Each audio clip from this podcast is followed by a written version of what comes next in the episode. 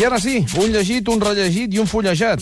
Quatre L's cada un. Certament, avui portem llibres d'un cert pes. Comencem amb una il·lustració una mica francòfona. Et pintaré un bigoti amb oli vermell d'aquella foto que ens vam fer a París. L'Anna Roig i l'Ombra de Tonchen, que van cantar aquesta mateixa cançó al programa, il·lustren un llibre... De Georges Perec, amb aquella foto que es va fer a París, que és una foto que és aquí a la coberta, l'emblemàtica d'aquest escriptor francès, amb un gat negre posat damunt de la seva espatlla com si fos un lloro. L'Ombra de Tonchat, seria aquí, eh? Exactament, aquí el gos passaria, passaria gat. Uh, el llibre és Doble B, o El record de la infantesa, ho publica l'Avens en una excel·lent traducció del francès de la Margarida Casacoberta.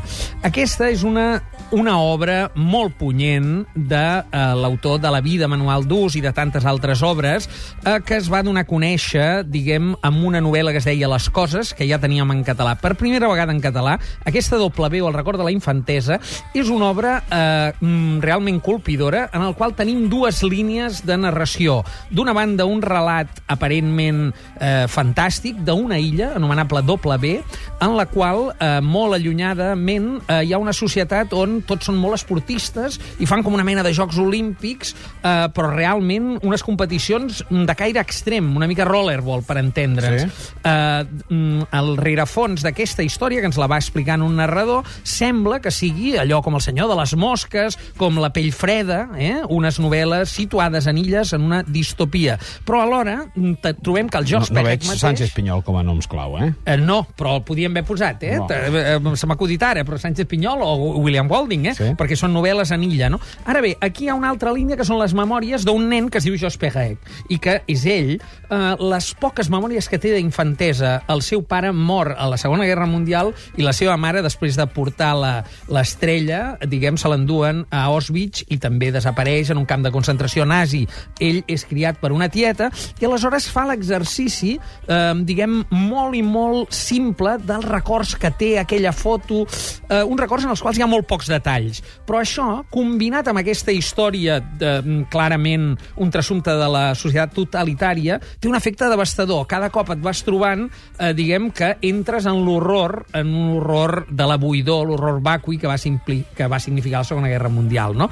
En aquest sentit, literàriament, és formalment molt interessant aproximar-s'hi no des d'una perspectiva realista, sinó des d'aquesta doble perspectiva del fantàstic d'una banda, però també de la memòria innocent, aparentment innocent d'un nen.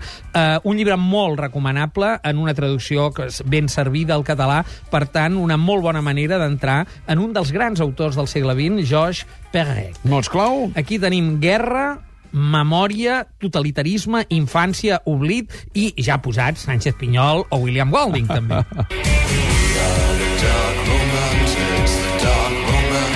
De Romàntics dels Awakening ens il·lustra Benvingudes la joia i la tristesa. Sí, senyor, aquesta és una reedició de les traduccions de Marià Manent de tots els poetes del romanticisme anglès.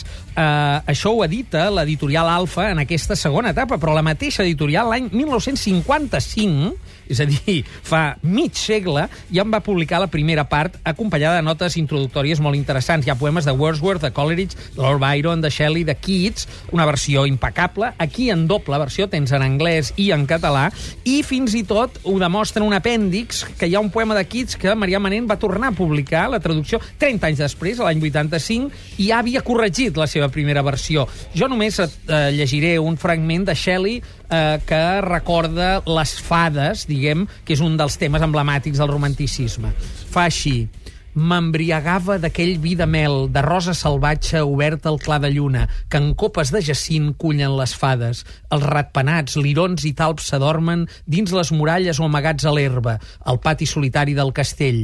Quan madura l'estiu la terra i aquell vi hi aboquen, o els seus vapors s'enfilen enmig de la rosada, somnien dolçament coses alegres i de joia murmuren adormits, car són poques les fades que tan nous tenen els calzes.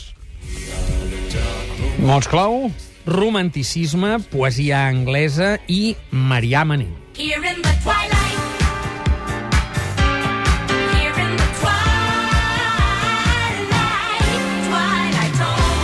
twilight. Zone. Twilight Zone, de Manhattan Transfer, ens il·lustra el fullejat. Sí, senyor, una mica una clocada d'ull a la sèrie televisiva de la dimensió desconeguda Sí. per un llibre curiós, eh? Històries encantades de Catalunya, del periodista César Alcalà, això ho publica Columna, i recull un munt de llegendes, rondalles, més aviat esotèriques, però bé, en tot cas estan servides amb, amb amenitat. Què trobes aquí? Doncs bandolers, bruixes, mare de déus trobades, i, eh, en fi, a, a mi m'ha sorprès un que no coneixia, el Panxample. Eh? Jo coneixia el, Serra, el Serrallonga, el Perot lo Lladre, doncs bé, també bandolers a dojo. Un d'aquests llibres per... Joan Serra? Eh, també, també. També. A, a Can Serra sempre hem estat una mica ba- bandolers, eh? Un d'aquells llibres, doncs, per eh, recollir històries, per explicar-les a la vora del foc, podríem dir-ne. César Alcalà, històries encantades de Catalunya. És el fullejat d'avui. Màrius, eh, un llibre per, eh, per fullejar de cara al, al cap de setmana a Londres amb aquesta final. Sí, jo t'he portat els poemes aquests del romanticisme anglès perquè crec que en el llarg camí, Sí. esperem que no sigui volcànic o vulcanitzat, Ui, de diguem, moment ja hi ha molta gent que està pendent de si agafa el cotxe, si va amb Exacte. autobús, si va a l'avió, si Va- el núvol se'n va... Vaig veure uns senyors amb uns 600 allà, directament. Sí, que aquests hi són uns clàssics, aquests sí, són uns clàssics. Ja, ja hi van, però tres dies abans, així com ha de ser. Jo recomanaria Lord Byron.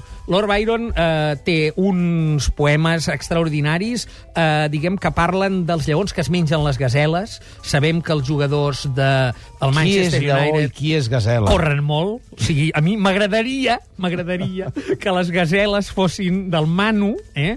i els lleons fossin els nostres. Però bé, ho veurem dissabte, en Est, tot cas. què? Est- Estàs preocupat per aquest partit? No. No, Ets en absolut. culer. Soc molt culer, però alhora crec que veurem un bon partit. Ja. Diguem, jo el que estaria preocupat si tinguéssim un uh, catenaccio al davant, uh -huh. Sense especificar. Diuen que aquests del Manchester defensen com un equip petit, molt tancats, Sí. i surten com un avió. Com un avió. Sí, sí, sí, aquí les gazeles, aquí les gazeles. El per núvol, tant... el núvol de centre els, farà, els pararà. Ah, això mateix, visca l'avió. Doncs eh, moltíssimes gràcies, Màrius. Molt bona setmana, molt bon cap de setmana per tots els culers, especialment. I eh, ens retrobem la setmana entrant. A reveure. De seguida arribem al butlletí de les 11, però tenim una notícia de bas que ens avançarem a l'informatiu. El president del govern espanyol, José Luis Rodríguez Zapatero, es mostra partidari, en contra del que han dit algunes veus del seu partit, que hi hagi eleccions primàries per triar el seu successor. Zapatero ha irromput així enmig del debat del PSOE sobre si calen primàries o un congrés extraordinari del partit Madrid. Cifri, gràcies, molt bon dia. Hola, bon dia. Doncs sí, estem aquí al Congrés, no es parla una altra cosa, com us podeu imaginar, i el que ha volgut fer és llançar un missatge clar d'autoritat als membres del seu partit. Ha dit que hi haurà primàries i que, a més a més, hi ha democràcia al partit, però s'ha mostrat totalment segur de que ell ho aconseguirà. També hi ha hagut una última hora, ultimíssima hora, per la Carme Chacón, la ministra de Defensa, que és una de les possibles successores, i ha dit, ha demanat calma i tranquil·litat, que tot es veurà al Comitè Federal del dia 28. No ha dit ni que sí ni que no. Ni que sí ni que no, se l'ha preguntat 20 vegades, serà successora, es presentarà, esperem el dia 28 i demana tranquil·litat. En qualsevol cas, s'ha fet un pas endavant, ni que sigui per xupar càmera i per sortir a la foto per dir calma i tranquil·litat. En un moment dies- on el debat és el successori, és significatiu el gest de la Chacón. Sí, sí, tothom vol sortir aquests dies. Sigfrid, moltíssimes gràcies per avançar-nos aquesta informació, que segur que ja estan cuinant els nostres eh, companys dels serveis informatius, que d'aquí un minutet us eh, faran evident aquesta i altres informacions, tot el que ha passat durant aquesta hora al Planeta, al, a, a Catalunya Ràdio, en els serveis informatius. Màrius, gràcies, com et deia. Molt bé.